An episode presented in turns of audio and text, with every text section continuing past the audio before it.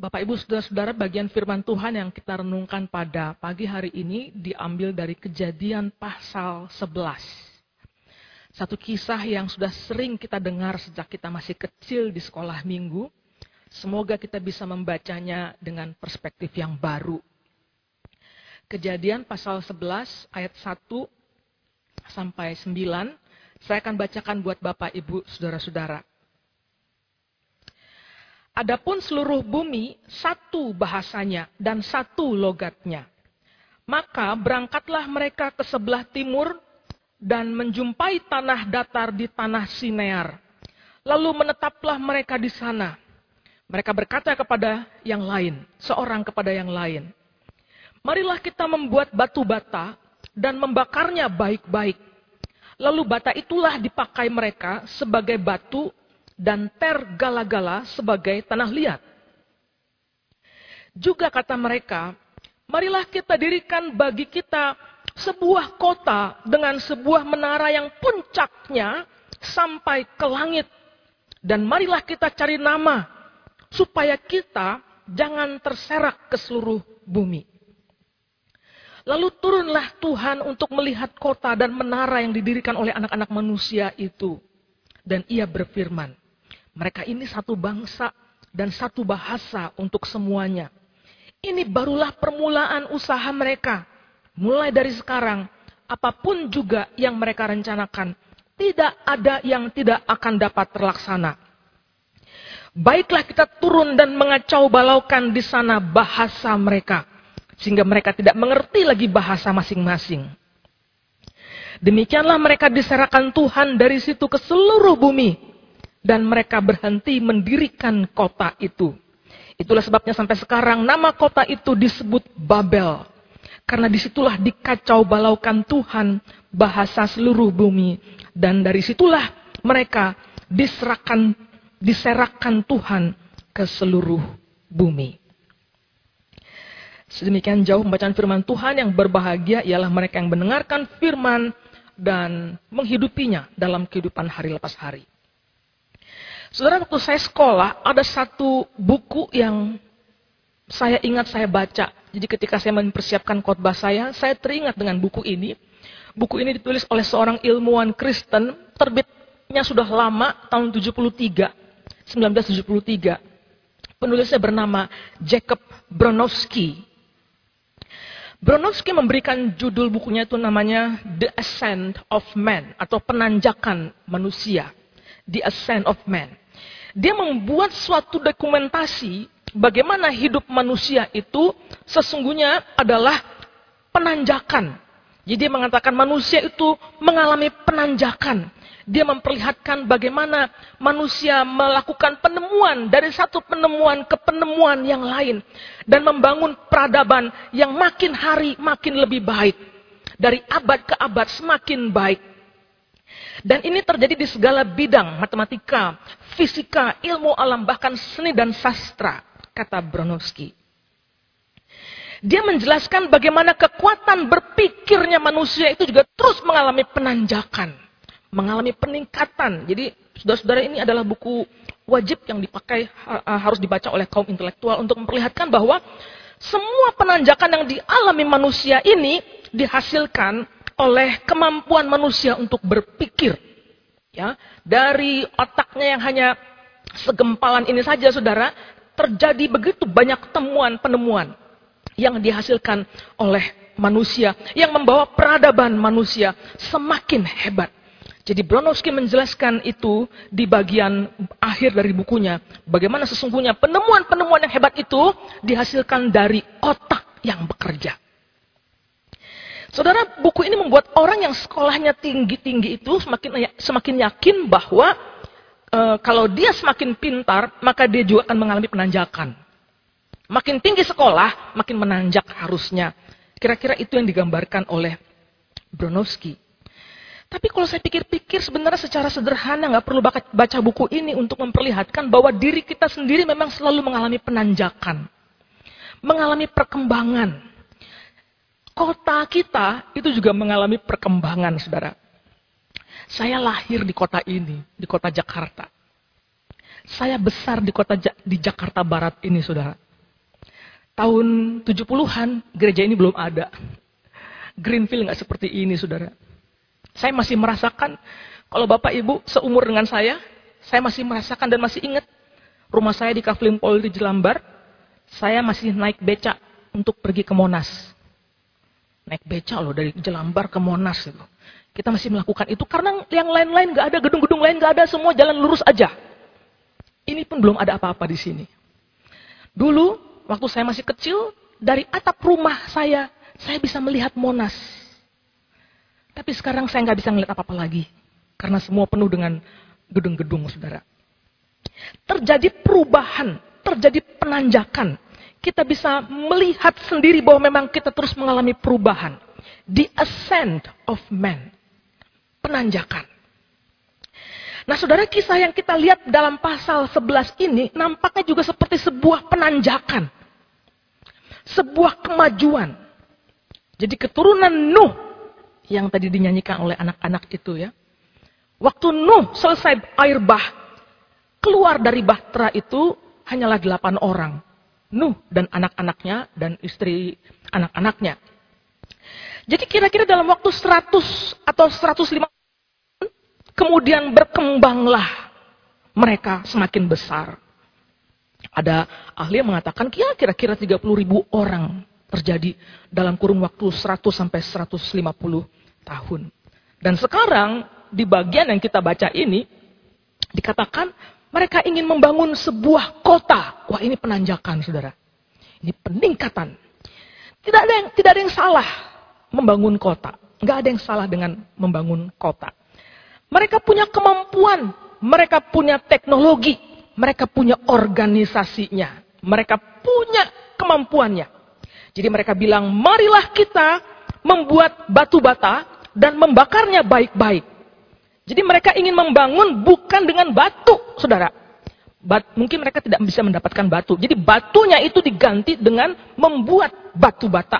Bata itulah yang akan dipakai. Dan luar biasa, ini adalah satu teknologi yang luar biasa. Mereka gunakan ter untuk menempel satu bata dengan bata yang lain. Hebat bukan? Ini hebat sekali.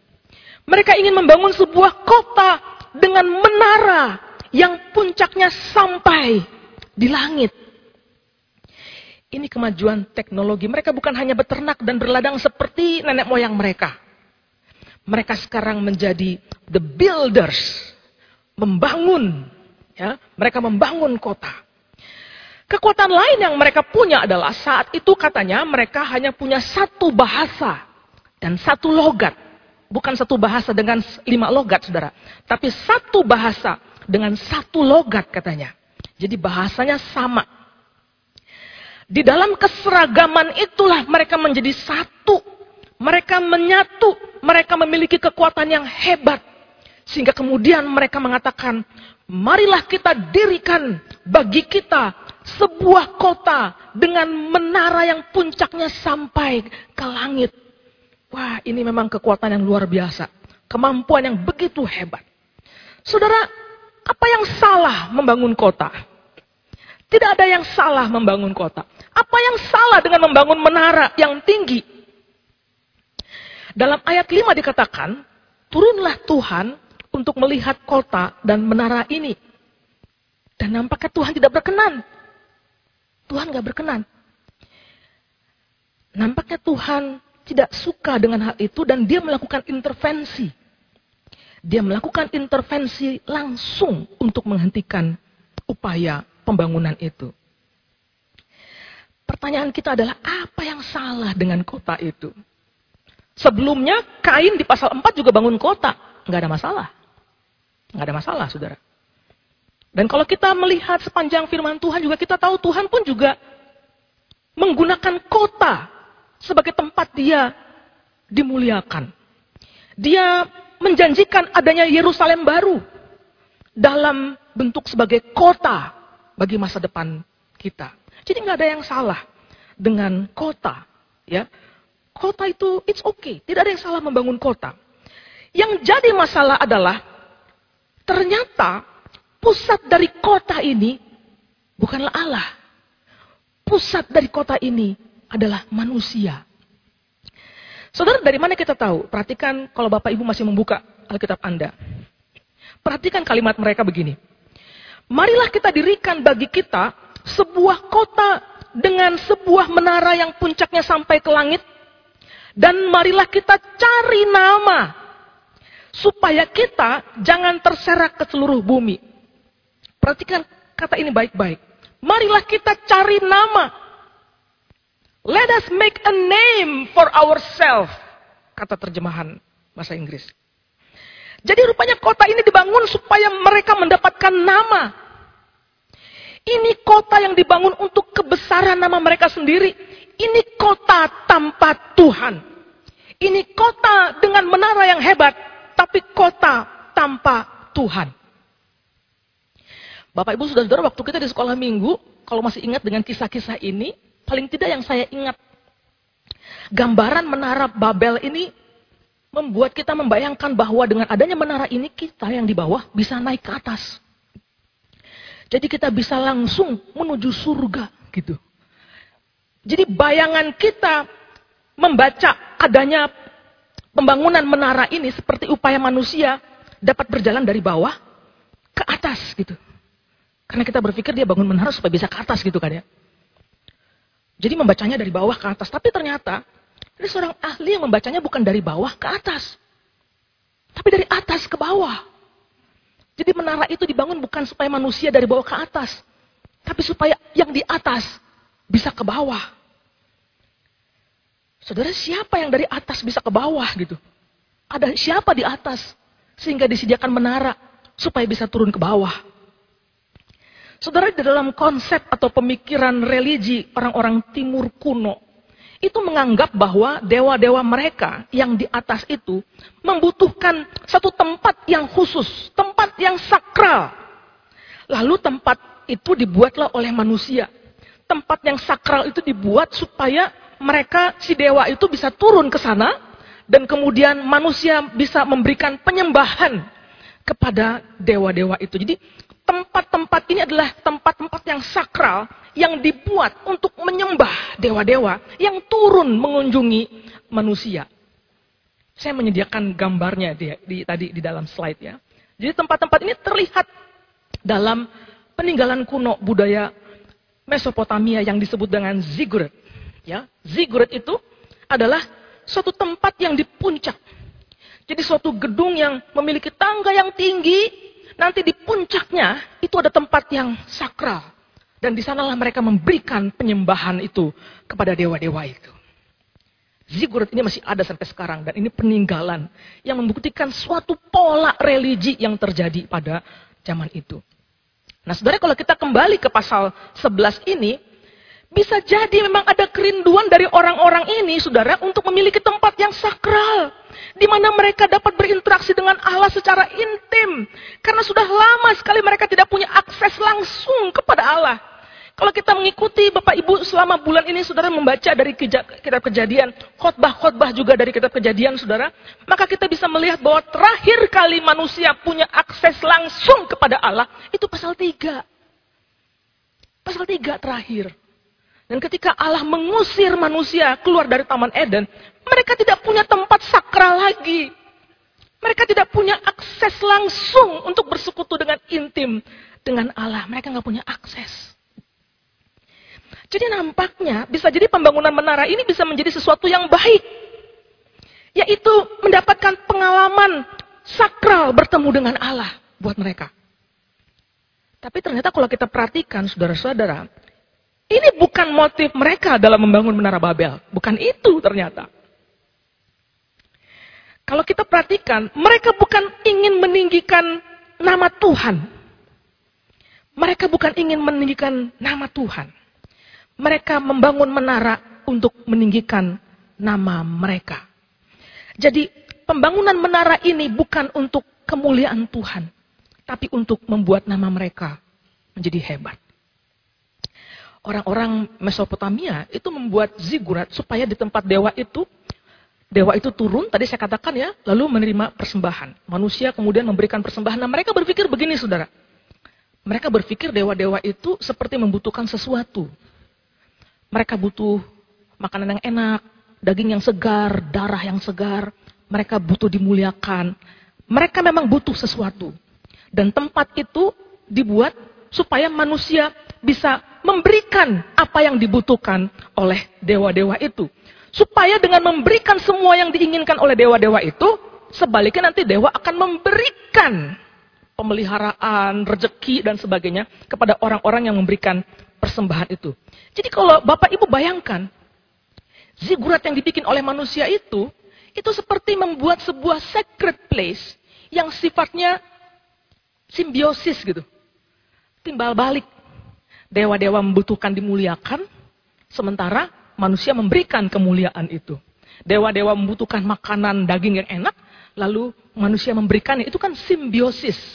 Ya, keuntungan timbal balik bagi keduanya. Tapi ibadah kita kan nggak begitu ya. Ibadah kepada Allah tidak demikian. Kita beribadah kepada Allah bukan simbiosis. Kita beribadah kepada Allah karena dia adalah Allah yang patut disembah. Dia tidak membutuhkan penyembahan kita sehingga kemuliaannya menjadi tambah. Tidak.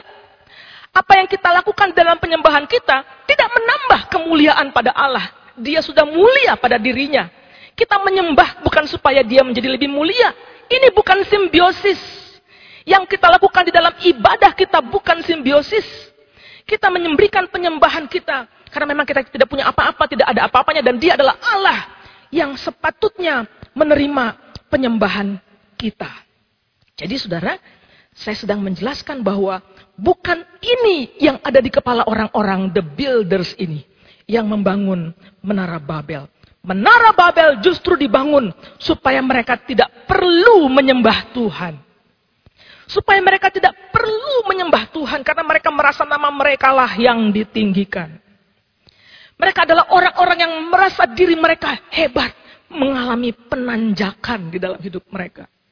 Mereka merasa diri sebagai orang yang sanggup, punya teknologi, punya informasi, punya kesatuan, organisasi yang begitu hebat. Karena memang mereka juga adalah ciptaan Allah yang dicipta dengan gambar dan rupa Allah yang punya kemampuan yang hebat. Saudara, waktu Nuh dan keluarganya keluar dari Bahtera, dan selamat dari air bah. Allah membuat perjanjian dengan Nuh, saudara. Kalau Anda ingat beberapa waktu yang lalu bahas ini. Dalam perjanjian itu ada perintah begini, beranak cuculah di kejadian pasal 9 ayat 1. Beranak cuculah dan bertambah banyaklah serta penuhi bumi. Penuhi bumi. Tapi bukan itu yang dilakukan oleh orang-orang ini, saudara. Mereka tidak melakukan ini. Mereka tidak melakukan penuhi bumi. Mereka justru tidak mau pergi memenuhi bumi. Mereka tidak mau tersebar memenuhi bumi. Begitu mereka melihat tanah daratan Sinear, mereka begitu terpesona dan mereka ingin menetap. Mereka ingin bangun kekuatan di sana. Mereka ingin mengkonsentrasikan kekuasaan di sana. Mereka tidak mau pergi ke mana-mana lagi. Bapak, Ibu, Saudara-saudara kita melihat di sini bahwa mereka membangun menara untuk mendapatkan nama sehingga mereka tidak perlu terserak ke seluruh bumi. Gak perlu pergi. Diam aja di sana dan bangun kekuatan. Jadi saudara mereka sebenarnya sedang menolak perintah Allah. Mereka menolak perintah Allah untuk memenuhi bumi. Mereka justru mau menetap di Sinear dan membangun kekuatan di sana. Dan dari sanalah mereka melawan Allah. Mereka memberontak kepada Allah. Di sinar inilah mereka ingin mengatakan bahwa mereka tidak memerlukan Allah untuk bisa hidup enak dan hidup nyaman. Aku tidak perlu Tuhan, aku tidak perlu Allah. Aku sanggup dengan tanganku sendiri membangun menara yang hebat, membangun kota di mana aku mendapatkan perlindungan. Mereka membangun hidup mereka dengan cara mereka sendiri, kehidupan religi dengan cara mereka sendiri. Sungguh, saudara, pembangunan Menara Babel ini adalah bentuk pemberontakan manusia kepada Allah. Pemberontakan manusia kepada Allah. Saudara, kalau kita berbicara suatu pemberontakan, maka yang terbayang di kepala kita adalah satu benturan yang keras gitu. Kita orang Indonesia sudah sering melihat benturan-benturan seperti ini. Yang kita bayangkan adalah sekelompok orang yang menyatakan ketidaksetujuan. Lalu melakukan pengumpulan massa misalnya. Lalu membawa tulisan-tulisan, lalu melakukan orasi untuk membakar dan memprovokasi orang lain gitu. Kita sering melihat bentuk pemberontakan yang begitu jelas bisa berdarah-darah.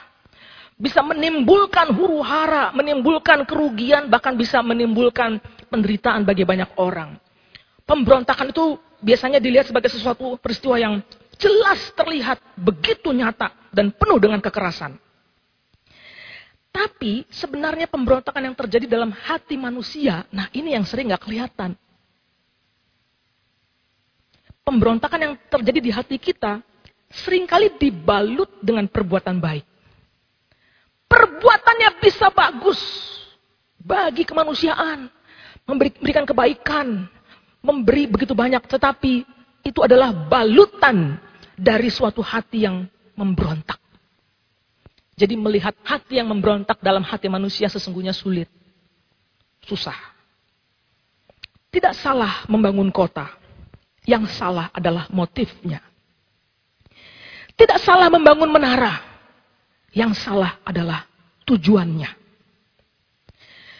Saudaraku, Tuhan sesungguhnya sanggup memeriksa hati kita. Dia bisa periksa motivasi kita, kehendak kita, keinginan kita. Kita bisa saja melakukan suatu pekerjaan yang mulia.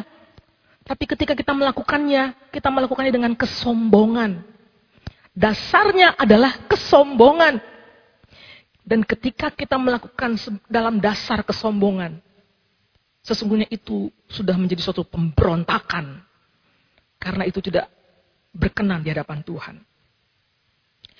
Masalahnya kita nih hidup di tengah-tengah masyarakat kota yang menuntut kita kerja keras, sempurna, ya kita kalau dituntut di masyarakat kan sempurna, um, keunggulan. Ya, kami di dunia pendidikan tinggi, termasuk di STT.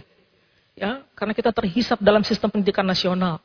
Kita dituntut menjadi menjadi institusi yang unggul, excellent di semua aspek penyelenggaraan pendidikan. Semua harus dilakukan dengan sempurna. Bapak Ibu punya anak-anak di sekolah pun juga mereka dituntut untuk sempurna. Prestasi mereka diukur dari angka-angka prestasi akademik. Kita di kantor Anda, Anda harus menyuruh karyawan-karyawan Anda untuk bekerja dengan sungguh-sungguh. Anda menuntut karyawan bekerja dengan maksimal, excellent, extra mile, apalah itu namanya. Banyak sekali. Karena kita berharap mereka menghasilkan hasil yang maksimal, bahkan lebih daripada apa yang bisa diharapkan dari mereka. Itu dunia kita, saudara-saudara. Kita dituntut bukan hanya good, tapi better. Even the best. Itu bahasa Inggris itu memang dari dari sana kita mendapatkannya ya. Kita bukan hanya dituntut menjadi, bahkan kita sering kali didorong oleh dunia ini untuk menjadi rich. Even richer. Even the richest. Bahkan the crazy rich. Sampai gila kayaknya. Kita bukan hanya tuntut menjadi fast, tapi faster. Bahkan the fastest, yang paling cepat. Itu dunia kita. Dan semua itu memang tidak ada yang salah sebenarnya. Nggak salah juga untuk menjadi the best. Nggak salah menjadi the number one di dalam dunia pendidikan. Anak-anak Anda berprestasi menjadi nomor satu, nggak salah. Anda bekerja keras supaya sukses, enggak salah saudara. Tapi memang kita mesti mengakui bahwa kondisi yang seperti ini bisa mendorong kita untuk melakukannya dengan dasar kesombongan untuk diri. Dan itu hanya kita yang tahu. Hanya kita dan Tuhan yang tahu. Kesombongan itu muncul karena kita merasa diri kita yang mampu. Bukan Tuhan yang memampukan. Pertanyaan kita minggu ini yang pertama harus kita pikirkan. Apakah kita sedang membangun menara Babel? Sesuatu yang kita kerjakan dengan dasar kesombongan. Sesuatu yang kita kerjakan dengan begitu yakin karena kita merasa kita mampu dan kita hebat. Menara Babel, menara Babel kita bisa saja usaha kita. Bisnis kita. Yang kita bangun dengan upaya dan usaha kita sendiri. Mungkin ketika usaha kita masih kecil, mudah buat kita bersyukur gitu. Waktu kita nggak punya banyak, kita merasa bersyukur. Kita bersyukur sekali mendapatkan sesuatu. Kita mengakui kalau bukan Tuhan yang tolong, nggak bisa, kita bilang. Tapi setelah melalui masa-masa sulit dan usaha kita menjadi besar, kita menemukan dataran sinear. Di mana kemudian kita merasa diri kita lah yang mampu. Bukan lagi Allah yang memampukan. Lalu kita mulai mengembangkan usaha kita dengan motif kesombongan. Bahkan ini aku yang berhasil, bukan lagi Tuhan sebenarnya. Karena aku yang sedang mengalami penanjakan terus-menerus. Menara Babel kita bisa saja pelayanan kita di gereja, saudara-saudara. Menara Babel kita bisa saja program-program yang kita buat. Kita melakukan pelayanan bukan untuk meninggikan nama Tuhan. Tapi kita melakukan pelayanan untuk kebanggaan diri kita sendiri. Itu sebabnya kita mudah tersinggung kalau kita tidak mendapatkan pujian. Kita tidak mendapatkan apresiasi tidak diingat. Saudara, mengapa kesombongan mudah menyusup dalam hati kita dan menempati tempat yang sentral? Saya bilang sentral karena hati itu sentral, saudara. Hati itu adalah sumber segala kehendak, sumber segala perbuatan kita. Jadi ketika kesombongan menempati hati kita, maka itulah yang menjadi sumbernya. Itu jadi motif dalam seluruh sikap hidup kita. Memang tidak salah membangun dan berprestasi. Tapi dosa kesombongan itu selalu mengintip, mengikuti berjalannya bersama dengan penanjakan kita. Dia ngikut, dia mengamati, dia, dan dia mencari celah untuk masuk ke dalam hati kita dan menduduki hati kita. Dia mengintai. Ketika kita memiliki banyak harta dan kedudukan dan kekuasaan, maka memang pada kenyataannya kita susah bersyukur, bukan? kita jadi lebih mengatakan itu punya kita. Tapi justru ketika kita kehilangan, ketika kita bangkrut, ketika kita, ketika kita kalah, bahkan harus menanggung sakit penyakit, maka kita jadi tidak berdaya, lalu kita mencari pertolongan. Memang seperti itu bukan dalam hidup kita. Saudara kalau gitu apa sesungguhnya penangkal dari kesombongan ini? Apakah kita harus selalu dalam keadaan sakit supaya kita nggak sombong? Saya rasa bukan itu maksudnya Tuhan. Apakah kita harus tetap miskin? Harus nggak punya apa-apa supaya kita tidak sombong? Saya rasa nggak demikian juga. Saudara tidak pernah dilarang untuk membangun begitu banyak di dalam hidup Anda. Tapi apa sesungguhnya penangkal dari kesombongan? Yesus pernah berkata dalam Matius 5 ayat 3. Dikatakan berbahagialah orang yang miskin di hadapan Allah karena mereka lah yang empunya kerajaan sorga katanya. Saudara ini bukan bicara tentang miskin secara rohani. Sorry, ini bukan bicara miskin secara fisik. Ini miskin di dalam kehidupan yang secara sadar mengatakan bahwa aku tidak punya apa-apa. Ini adalah miskin secara rohani. Dia merasa tidak punya apa-apa di dalam kehidupannya. Tidak punya apa-apa untuk dia berlindung. Tidak punya kekuatan untuk membangun hidupnya. Dan orang yang miskin ini adalah orang yang secara sadar bergantung penuh kepada Tuhan dan berharap sepenuhnya kepada Dia. Berarti saudara-saudara kesombongan itu hanya bisa tergusur, pupus, pergi ketika seseorang menyadari bahwa hidupnya hanya bergantung sepenuhnya pada anugerah Tuhan. Kerendahan hati itu tidak bisa dibuat-buat. Saya rasa kerendahan hati itu tidak bisa sekedar diciptakan itu suatu kondisi hati yang menyadari bahwa dirinya hanyalah orang berdosa yang menerima anugerah kasih karunia dari Allah. Di situlah kerendahan hati menempati hati kita. Ketika kita mengakui bahwa aku tidak berdaya, aku tidak punya apa-apa di hadapan Tuhan. Kerendahan hati itu muncul ketika kita menyadari bahwa kematian Kristus di kayu salib itulah yang telah menganugerahkan padaku keselamatan yang kekal. Tanpa itu aku tidak punya apa-apa. Tapi dengan keselamatan itu aku memiliki hidup yang berarti. Seberapapun usahaku, seberapapun prestasiku, tapi aku bisa memberikannya bagi kemuliaan Tuhan. Karena aku tahu semua hidupku ini adalah anugerah. Itulah yang terjadi ketika seseorang memiliki kerendahan hati di hadapan Tuhan. Orang yang miskin secara rohani. Kita kembali ke kisah kejadian 11 ini, Bapak Ibu Saudara-saudara. Tuhan melihat motif mereka di dalam membangun menara Babel ini tidak benar. Mereka sudah berjalan ke arah yang salah. Menara ini tidak benar. Mereka sudah berjalan ke arah yang salah. Allah tahu persis ke mana arahnya. Allah tahu ke mana arahnya dan Allah menjaga supaya manusia tidak berjalan ke arah yang lebih jauh lagi dalam kesombongannya. Allah menghentikan usaha mereka ini dengan mengacaukan bahasa mereka. Tadinya hanya satu. Tadinya hanya satu. Tadinya itu adalah kekuatan yang tidak terbatas. Itu kekuatan yang luar biasa ketika mereka bersatu. Kesatuan mereka itulah yang membuat mereka melakukan dosa secara kolektif. Dosa secara kolektif bersama-sama. Tapi kemudian Tuhan mengacaukan bahasa mereka sehingga keseragaman mereka dipecah. Keseragaman mereka dipecah supaya apa? Supaya mereka terserak ke seluruh bumi kembali kepada tujuan Allah yang Allah inginkan dalam hidup mereka, yaitu penuhi bumi. Pergi, penuhi bumi. Saudara mudah sekali bukan untuk Tuhan menghentikan suatu proyek besar seperti Menara Babel. Tuhan tidak menghancurkan, Tuhan tidak perlu menghancurkan menaranya seperti Tuhan menurunkan air bah dan menghancurkan gunung-gunung. Tuhan bisa menghancurkan menara itu bukan? Tapi Tuhan tidak melakukan itu.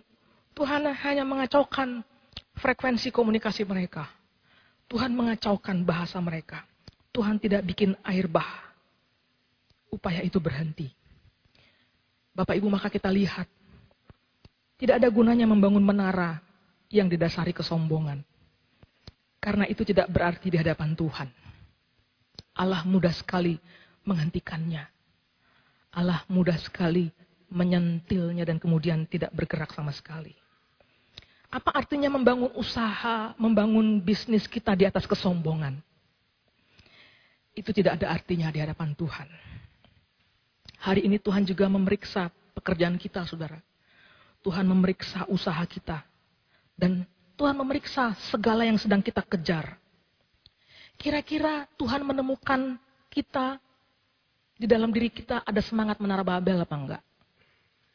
Apakah ada semangat Babel di dalam diri kita. Yaitu semangat meninggikan diri. Semangat mencari nama untuk diri. Semangat untuk kebanggaan diri. Atau akankah dia menemukan kita yang menyadari betul akan anugerah Tuhan. Dan di hati kita ada kerendahan hati dan kebergantungan penuh kepada Kristus. Akankah dia menemukan suatu hidup di dalam diri kita yang kita dedikasikan hanya kepada Allah? Kita bekerja, kita bekerja bagi Allah. Kita membangun rumah tangga bagi Tuhan. Kita membesarkan anak-anak kita bukan untuk kebanggaan pribadi, tapi bagi kemuliaan Tuhan. Engkau yang sedang studi, engkau studi bagi Tuhan. Saudara-saudara yang membangun kehidupan, karir Anda, saudara sedang melakukannya untuk Tuhan. Apakah Tuhan menemukan kita sedang mendedikasikan hidup kita bagi dia. Akhirnya ada dua pertanyaan untuk kita pagi ini. Tadi saya sudah menyebutkan yang pertama, apakah Anda sedang membangun menara Babel? Mari kita jawab masing-masing saja. Yang kedua, mari kita periksa dalam area apakah Anda memiliki semangat menara Babel. Ini sesuatu yang tidak bisa Anda tuduhkan kepada orang lain. Gue tahu nih, bisnisnya dia ini sebenarnya semangatnya Babel. Nggak bisa, saudara. Hanya kita yang tahu. Terbuka di hadapan Tuhan, minta Tuhan periksa kita. Di area mana kita sedang memiliki semangat menara Babel. Mari kita berdoa. Tuhan periksalah hati kami. Karena hanya Tuhan yang mengetahui kedalaman hati kami. Kami bisa menyembunyikan kesombongan kami di hadapan manusia membalutnya dengan pekerjaan-pekerjaan baik, membalutnya dengan tindakan-tindakan mulia, bahkan membalutnya dengan kehidupan pelayanan. Tuhan ampunilah kami, hambamu memohon ampun. Untuk semua yang sering kali kami tidak sadar lakukan. Kami melakukan begitu banyak pekerjaan-pekerjaan dengan semangat membanggakan diri Tujuan kami adalah nama kami dimuliakan. Kami lupa. Itu tidak ada artinya di hadapan Tuhan. Mudah sekali Tuhan meniupnya dan menghilangkannya dari depan kami. Mudah sekali buat Tuhan menghancurkannya. Tapi kami memohon kepadamu ya Tuhan. Kami ingin membangun diri kami lagi dengan cara yang benar. Sebagaimana yang Tuhan inginkan.